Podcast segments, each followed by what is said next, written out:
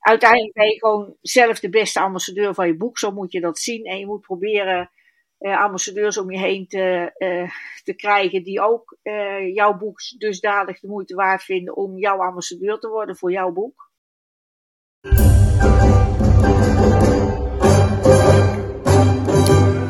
Spreks is de podcast waarin ik praat met experts over impact. Mensen met jaren ervaring of jong professionals die elke dag het beste geven om zichzelf en de wereld te verbeteren. Spreks zoekt naar een detailverhaal, dat ene punt, de ultieme tip. Verwacht verrassende gesprekken over ondernemen, groeien en marketing met concrete ideeën en inzichten om zelf impact te maken. Ik deel in de podcast ook mijn mening, advies en tips. En ik ben Saskia de Jong, marketeer en mediamaker. In 1984 schreef ze zich in als ondernemer bij de Kamer van Koophandel. En sindsdien is ze bezig met grafische vormgeving in al zijn facetten. Mijn gast in deze spreks is Marian Ausen van MJ Vormgevers en MJ Uitgevers. In die 40 jaar heeft zij een enorm gevarieerd portfolio opgebouwd samen met haar team. Van het visitekaartje tot magazines. Meestal voor klanten, maar sinds enkele jaren is ze zelf de uitgever van het magazine Pluk. Ze is er ook de bedenker van. Met nieuwtjes, achtergronden en boeiende verhalen uit de Betuwe. Hij ligt op 450 leestafels en is gratis verkrijgbaar in 48 dorpen in de streek. En uitgeven, dat doet ze ook met boeken. En daarvoor heb ik haar bij Spreks uitgenodigd. Want een boek, dat is nogal wat. Maar ik weet ook dat het bij menigeen wel eens door het hoofd gaat. Een boek maken. En daar kun je jezelf enorm mee op de kaart zetten en je impact versterken. Dus een interessant onderwerp voor Spreks. Nou, hallo Marian, welkom bij mij in de podcast. Dankjewel Saskia voor de uitnodiging. Uh, het is altijd leuk om met iemand over mijn vak te kunnen spreken. En uh, door deze podcast misschien uh, ook anderen op weg te helpen met, het onderwerp, met het onderwerp van boeken maken. Ja, ja, nou hartstikke leuk. We maken er een mooie uitzending van. Nou, en mijn eerste vraag is altijd: maak jij impact? ik probeer impact te maken door mijn jarenlange ervaring die ik heb met het uh, vormgeven en wat korter met het uitgeven van boeken. Ik wil daarmee mensen op weg helpen om een mooi boek te maken. Dat is waar ik impact wil maken, informatie en voorlichting geven. Vroeger gaf je een boek uit eh, via een uitgever en die verzorgde alles. Maar ja, tegenwoordig kun je ook een boek zelf uitgeven en echt drukken, hè, dus een fysieke exemplaar, dat hoeft natuurlijk tegenwoordig ook niet meer hè, met, met de elektronische e-readers. Um, ja, leuk om, om daar uh, wat dieper op in te gaan. Wat, wat is het voordeel eigenlijk van een boek in eigen beheer uitgeven? Of ja, en moet je dat soort keuzes, daar gaat het eigenlijk vooral om, moet je dat soort keuzes al, al vroeg maken of, of hoeft dat niet? Nou, ik denk dat je die keuze wel vroeg moet maken. Maar uiteindelijk is het altijd, het woord uitgeven komt altijd om de hoek kijken. Of je dat nu, eh, of dat iemand extern is, of dat je eh, zelf je uitgever wordt van je boek. Uh, financieel voordelig uh, is het natuurlijk altijd wel als je het boek bij een uitgeverij onder kunt brengen. Dan ben je ja, verzekerd van een soort kwaliteit, van hun beeldmerk wat je mag gebruiken. Wat wel onderschat wordt, is de promotie van een uitgeverij. Mensen verwachten dan wel veel van een uitgeverij dat ze hun boek ook zullen promoten. Nou, dat is maar heel beperkt wat een uh, commerciële uitgeverij uh, daarvoor gaat doen. Uh, ja, weet dat 1 op de 15 mensen in Nederland hebben ambities om een boek te maken. En er is maar 1% wat door een uitgever uh, ja, goed genoeg uh, bevonden wordt om bij hun uitgever, uitgeverij uh, uit te gaan geven. Ja, dus als mensen een manuscript opsturen, bedoel je? Ja, als, je man, als een manuscript opgestuurd wordt. Een uitgever kijkt dus altijd naar naamsbekendheid, hoe uniek is een boek. Ja, een uitgeverij is altijd bezig met het verdienmodel. Die zijn natuurlijk commercieel bezig en hebben een, een winstoogmerk, ja. wat ook heel heel reëel is. Maar ja, dat is gewoon wel een gegeven. Maar dat betekent dat 99% van de manuscripten die uitgevers krijgen, dat zij daar dus niks mee, mee doen. Uh, maakt dat ook dat mensen misschien uh, dan hè, van die 99% uh, zelf het, het, gaan uitgeven? Of zullen er ook heel veel het dan maar laten zitten? Want je hebt het manuscript. Manuscript is een, ja, een gereed document ook, toch? Ja, en mensen hebben er ook heel veel uh, ja, passie in zitten, ziel en zaligheid, of willen een mening delen, of wat dan ook. Maar die hebben dat echt met overtuiging, hebben mensen iets op papier geschreven. Uh, ja, dus dan ben je heel erg vaak, uh, ja, moet je je eigen boek uit gaan geven. Dat, dat is het lot van velen. Ja, ja. En die mogelijkheden zijn er plenty. Maar doordat die mogelijkheden er zoveel zijn, uh, zijn de valkuilen daar ook heel, uh, heel groot bij. Je hebt gewoon uh, commerciële partijen die dat goed voor je kunnen doen. Maar er zijn ook partijen die, ja, die bijvoorbeeld de distributie van een boek uit het buitenland laten verzorgen. En wat je dan als.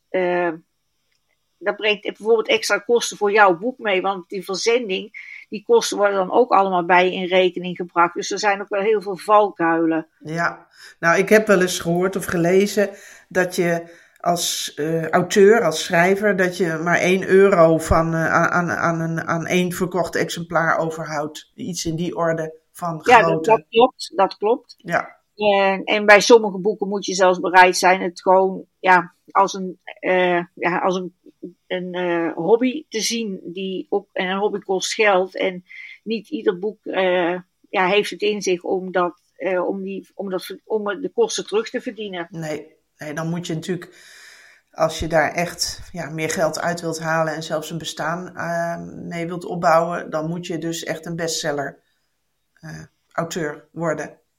Ja, maar wil je het boek tot een succes gaan maken, dan moet je je echt wel een beetje aan een aantal uh, ja, vaste stelregels houden. Je moet een goed stappenplan maken. Uh, je moet van tevoren heel veel dingen bedenken voordat je. Kijk, als je het boek geschreven hebt, dat is één. Maar daarna moet je gewoon wel het stappenplan neerleggen voor jezelf. Van, nou, wat ga ik doen? Hoe moet het mijn boek eruit zien? Voor wie is het? Daar zijn allemaal uh, ja, lijstjes voor waar je dan aan kunt voldoen. Ja, leuk om, om, om op een paar even wat dieper in te gaan, denk ik. Ja. ja. Uh, je moet bedenken of je zelf verstand hebt van, uh, van commerciële eisen. Waar moet, een, waar moet het design aan voldoen? Waar, wat, wordt er, wat wordt er op een cover verwacht? Wat weet je van grafische computers? Beheers je de Nederlandse taal? Zitten er geen taalfouten in je? Of heb je behoefte aan een professionele corrector of redacteur? heb je verstand van productmanagement? Verstand van marketing? zo, zo kan ik het lijstje nog helemaal uh, verder maken. Maar als je dan zo'n checklijstje hebt gemaakt en uh, eh, 80% daarvan kun je aanvinken, ja, dan is er toch al een soort alarm dat je gewoon reëel kans loopt dat je boek een teleurstelling gaat worden. Je moet van echt heel veel facetten moet je kennis hebben, wil je je boek tot een succes kunnen maken. Ja, je zei, je zei 80% aanvinken, uh, ja. dat je er geen verstand, dat je het niet, uh, niet ja, kan ja. of niet weet. Ja, precies.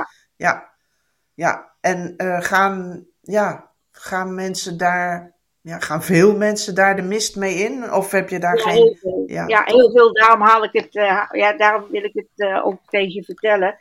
Uh, omdat ik weet dat je zelf ook boekambities hebt. ja, dat is, ja, dat is een grote valkuil voor mensen. Ja. ja. En ja, je bent auteur en geen uitgever. En uitgever is natuurlijk een, serieus beroep in deze tijd. En ja, er komt toch echt heel veel voor kijken. Ja, ja, nee, het is, het is helder dat een, een boek maken meer is dan schrijven alleen. En je hè, nu, noemt nu een, uh, globaal een aantal stappen die, uh, waar je in de voorbereiding dus al uh, je goed rekenschap van, van moet geven. Maar ja, er zijn denk ik nog veel meer dingen die tellen. Echt als het een, ja, een fysiek product, echt een, een echt boek moet, moet worden. Waar, waar, ja, waar moet je dan allemaal aan denken? ja, je, je, je hebt het boek, je moet, ja, je moet zelf bedenken wat je doelgroep is. Dat is natuurlijk een heel belangrijk criteria. Je moet bedenken van je een, een hardbound boek, je een softboek, wat voor papier wil je hebben, wat, welke oplagen denk je nodig te hebben, hoe wil je je boek eruit laten zien, wil je er een leuk leeslintje in hebben. Er zijn plenty van mogelijkheden om een boek te maken. En die dingen, die zaken zul je toch eerst allemaal inzichtelijk moeten maken. Ja, ja. Ik kan me voorstellen dat als mensen bij jou komen met, uh, met uh, nou, misschien al een kant-en-klaar manuscript, dat ze een hele stapel boeken bij zich hebben die ze als een voorbeeld uh, gebruiken. Van kijk, deze dikte vind ik mooi, of uh, die uitvoering, of nou, hè, dat soort aspecten. Nou ja, mensen zijn meestal onwetend als ze hier een beetje als ze komen. En eh, dan laten, meestal gaat het andersom. Dan laten wij die stapel boeken zien, eh, de mogelijkheden zien. Ja, ja. En dan gaat er ook bij hun, denk ik, wat meer leven. Ja, want mensen zijn er op een of andere manier niet zo mee bezig hoe een boek, als ze een boek schrijven, zijn ze op een of andere manier niet zo mee bezig eh, hoe dat boek er dan uit moest zien. Dat is, ik vind dat altijd heel wonderlijk, maar dat is wel de realiteit. Ja, ze willen hun verhaal kwijt. Ja. En het is belangrijker om die woorden op uh, papier te krijgen, dan misschien om je ook te visualiseren hoe de ander het straks tot zich kan nemen. Ja, dat klopt.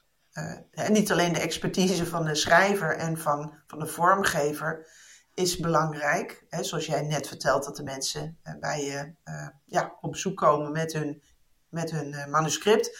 Maar ook de expertise van de uitgever met, met het hele pakket dat een uitgever je kan bieden, ook hè, dienstexpertise is dus ook heel erg belang, belangrijk voor, ja, voor het slagen van het, van het hele project. En hoe kijk jij daar tegenaan? Heeft een uitgever die expertise? Die hebben ze, maar stel dat je tot die ene procent uh, hoort die bij een uitgever uh, over uh, binnen kan stappen. dan moet je ook wel van tevoren bedenken dat je manuscript beoordeeld wordt. En, ze zei, en aan, als gevolg van die beoordeling zouden zij kunnen vinden dat er nog een, een controleslag overheen gaat, dat de redacteuren nog stukken gaan herschrijven. En ben je bereid dat, dat uit handen te geven? Uh, vind je het erg dat een uitgever zich met, of een redacteur zich met jouw werk gaat bemoeien? Want dat gaat wel gebeuren. Ja, ja, dus dat meekijken en dat oordelen of je daarvoor open staat als auteur. Ja, en ja, sommige mensen vinden dat moeilijk. En, maar dat is, wel, ja, dat is wel de realiteit. En, ja. dat is maar net wat, wat je wil. Misschien de ene mens zal dat heel fijn vinden, want dan word je extra gecontroleerd. En dat kan, alleen, kan ook bijdragen tot een beter product. Zo kun je er ook in staan. Maar je kunt het ook als heel vervelend ervaren en als meekijken. Ja, ja, kan ik me wel iets bij voorstellen. Want ja, je hebt zelf toch het idee, ik heb hier maanden aan gewerkt, het is mijn kindje, blijf er vanaf. Ja. ja, kan ik me wel voorstellen. En aan de andere kant, ja, het is toch ook de expertise van een uitgever, die ook toch um, ja, heel, um, ja, heel nuttig kan zijn. Ja. Nou weet ik dat er ook andere soorten bureaus nog zijn, die, uh, of bedrijven zijn, die je kunnen helpen met, uh, met het boek. Kun je daar iets over vertellen? Ja, er zijn bureaus die, uh, die je willen helpen met, en daar zit heel veel ervaring, die willen helpen met het uitgeven van een boek. En dan kun je bijvoorbeeld uh, los uh, redactiewerk of uh, ghostwriting of schrijfcoach kunnen zij voor je leveren. ze kunnen de vormgeving voor je doen of ze kunnen de distributie voor je verzorgen. Ze kunnen hele promotieplannen voor je maken. Maar al die ingehuurde facetten, die, die kosten wel geld. Dus dat moet je altijd wel in de gaten blijven houden. Ja, ja. ja want bij die ene procent die dan wel aan tafel komt bij die uitgever, daar zitten natuurlijk ook de, ja, de bekende schrijvers uh, bij. En, en, en het is natuurlijk toch maar uiteindelijk een heel klein aantal. Nou ja, hè, dat kindje heeft geproduceerd uh, in een, uh, als manuscript. En toch niet gaat, gaat doordringen. En dat betekent dat er dus dan altijd ja, geld aan te pas komt om dat boek te maken. Waarvan je dus niet weet of je het ja, überhaupt gaat terugverdienen. Nee, dat klopt. En uh, ja, kijk, als je een van die expertises van een bureau in gaat, uh, gaan huren, dan, dan, moet je één ding goed bedenken: van ga je die investering wel terugverdienen? Ja. Uh, je moet eigenlijk voor jezelf ook wel ja, strikt eerlijk en, en concreet vaststellen van wat je met zo'n boek wil, wil of verdienen, of wat de kosten mogen zijn voor deze uitgaven. je moet je altijd bewust zijn dat je emotioneel betrokken bent bij een dergelijk boek. Maar het gaat toch altijd wel over geld. Dus dat, moet, dat geldaspect moet je uh, wel goed in de gaten houden. Want het maken van een boek is altijd duur. Ja, dat betekent dus ook dat je daar echt in de voorbereiding al ja, aan moet denken. Ja, en, en, en een sommetje moet maken, denk ik, hè? Ja, je moet een uh, goede begroting maken. Ja, ja, ja, precies. Ja. En, ja, en dat valt ook bij een goed stappenplan. Dus want de meeste mensen die een boek maken, die denken tot aan, uh, totdat het boek er ligt. Dus dat fysieke boek er ligt. Daarna uh, komt nog wel een promotietraject. Want je wil die boeken graag uh, verkopen. En misschien niet zozeer voor het geld. Maar je wil in ieder geval je informatie die jij geschreven hebt, wil je wel met de, met de wereld gaan delen. En wil je dat zoveel mogelijk mensen kennis daarvan maken. En dat is eigenlijk ook altijd een heel groot stuk werk, wat mensen onderschatten. Ja, ja, want bekende schrijvers die zitten natuurlijk aan de talkshows, uh, op tele, de tafels bij de talkshow op televisie. Maar voor velen die een boek uitgeven, en zeker vakliteratuur, ja, loopt dat natuurlijk helemaal niet zo, hè? Of, of niet zo makkelijk. En denk ik, hè, je gaf net al aan van als je het via een uh, uitgever doet, moet je niet verwachten dat er heel veel voor jou aan promotie wordt gedaan, dat dat beperkt is. Dus ja, wat, ja, wat kun je dan zelf veel bijdragen om, om ermee in de media te komen? je kunt heel veel bijdragen aan de promotie van je boek, maar dat betekent gewoon echt uren maken en daar heel veel mee bezig zijn. je moet heel actief zijn op social media. Maar je moet ook bereid zijn fysiek je boek te promoten door middel van lezingen of... Ja, en dat doet een uitgever dus ook niet voor je? Uiteindelijk ben je gewoon zelf de beste ambassadeur van je boek. Zo moet je dat zien. En je moet proberen uh, ambassadeurs om je heen te, uh, te krijgen die ook jouw boek dusdanig de moeite waard vinden om jouw ambassadeur te worden voor jouw boek. Dus dat betekent ook zelf een persbericht daarover uitgeven, want dat doet die uitgever ook niet. Nee, dat doen zij ook niet. Je moet zelf de persbericht schrijven. Je moet gewoon zorgen dat je een goede boekpresentatie gaat krijgen. En dat, dat doen ze bij een uitgever ook niet. Dan wordt hij gewoon, op een gegeven moment is hij er en dan wordt hij gewoon in de promotie, in de algehele promotie van een uitgever meegenomen. Maar als je zelf een boek uitgeeft, kun je je eigen moment van boekpresentatie uitkiezen. Ja. En je kunt het ook nog op ludieke manieren doen daar haal je ook publiciteit mee. Vergeet ook niet je, in je directe omgeving de lokale media mee te nemen. Ja, ja, want een boekpresentatie is echt een fysiek moment, hè? Zo bedoel jij het? Een fysiek moment, ja. ja. En als dat inderdaad iets uh, in een regio of zo uh, is, of afhankelijk van uh, het onderwerp natuurlijk, dan ja, past daar een, ja, daar past een specifieke media bij. Ja, ja. dat klopt. Ja. Dus heel veel werk.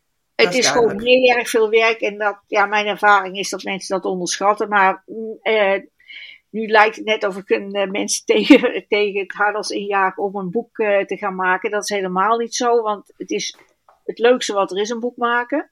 Maar als je het goed de stappenplan afwerkt, dan krijg je een mooi product en word je ook niet teleurgesteld. En ja, maakt het uiteindelijk heel blij dat je het boek gemaakt hebt kan me voorstellen dat mensen er uh, juist nu meer van doordrongen worden wat er allemaal bij komt kijken. En dat het meer is dan alleen maar die letters aan het papier toevertrouwen. En dat kunnen mensen zich op zich wel voorstellen, maar dat het zo omvangrijk is, misschien wat minder. Nou, en daar hebben wij ze natuurlijk nu met deze podcast, en jij vooral, zeker een, een beter idee van gegeven, denk ik. Nou ja, ik, ik gaf het zelf straks al even aan. Ik heb ook een plan liggen om een boek uit te geven. Maar ik loop toch vast in de uitvoering en de planning. En niet omdat ik niet weet wat ik erin wil zetten. Maar omdat ik er toch heel lastig aan toe kom. Heb jij tot slot daarvoor nog een tip voor mij persoonlijk? Ja, ik denk ja, dat geldt niet alleen voor jou, maar voor iedereen natuurlijk die met een boek bezig is. Uh, ga in gesprek met een uitgever. In ieder geval al om daar kennis uh, op te doen. En uh, als dat niet mogelijk is, ga naar een, vormgever die bekend is met het maken van boeken. En hij of zij zal je heel veel tips kunnen geven, waar je allemaal, die zal je ook kunnen helpen met een stappenplan. En vooral houd plezier in het maken van boeken. Nou, dan ben jij, je zegt het al, uh, uitgever van boeken die anderen schrijven. Maar je hebt ook eigen boeken uitgegeven. En, ja, ik zei het straks in de introductie al, je bent natuurlijk ook uitgever van je eigen magazine Pluk. En ja, het is niet helemaal vergelijkbaar, want een boek is ja, meestal eenmalig uh, voor een schrijver. En een magazine blijft terugkomen. Maar ja, je kan natuurlijk met beide wel hele grote impact maken. En ik weet dat jij met enorm veel passie en inzet dat magazine maakt je bent het uiteindelijk natuurlijk ook gewoon gaan doen. Dat is vooral stug doorgaan, denk ik. Um, en je hebt er nou vier gemaakt. En ik volgens, ja, ik denk dat je ook, ook merkt dat er wat gebeurt. Hè? Het blad wordt herkend, mensen komen spontaan met ideeën, bedrijven komen spontaan met ideeën, waardoor je het blad misschien beter ook uh, ja, financieel rond kunt, kunt krijgen. Kan je iets vertellen over ja, wat het teweeg brengt en misschien hè, dat het magazine al impact heeft in de streek? Uh, ja, daar kan ik iets over vertellen. Uh, ik wil even uh, jullie meenemen naar het begin van Pluk, het ontstaan van Pluk. Het is een soort ideologisch, ik ben uit ideologie begonnen. Ik ben geboren en woon al heel mijn leven in de Betuwe.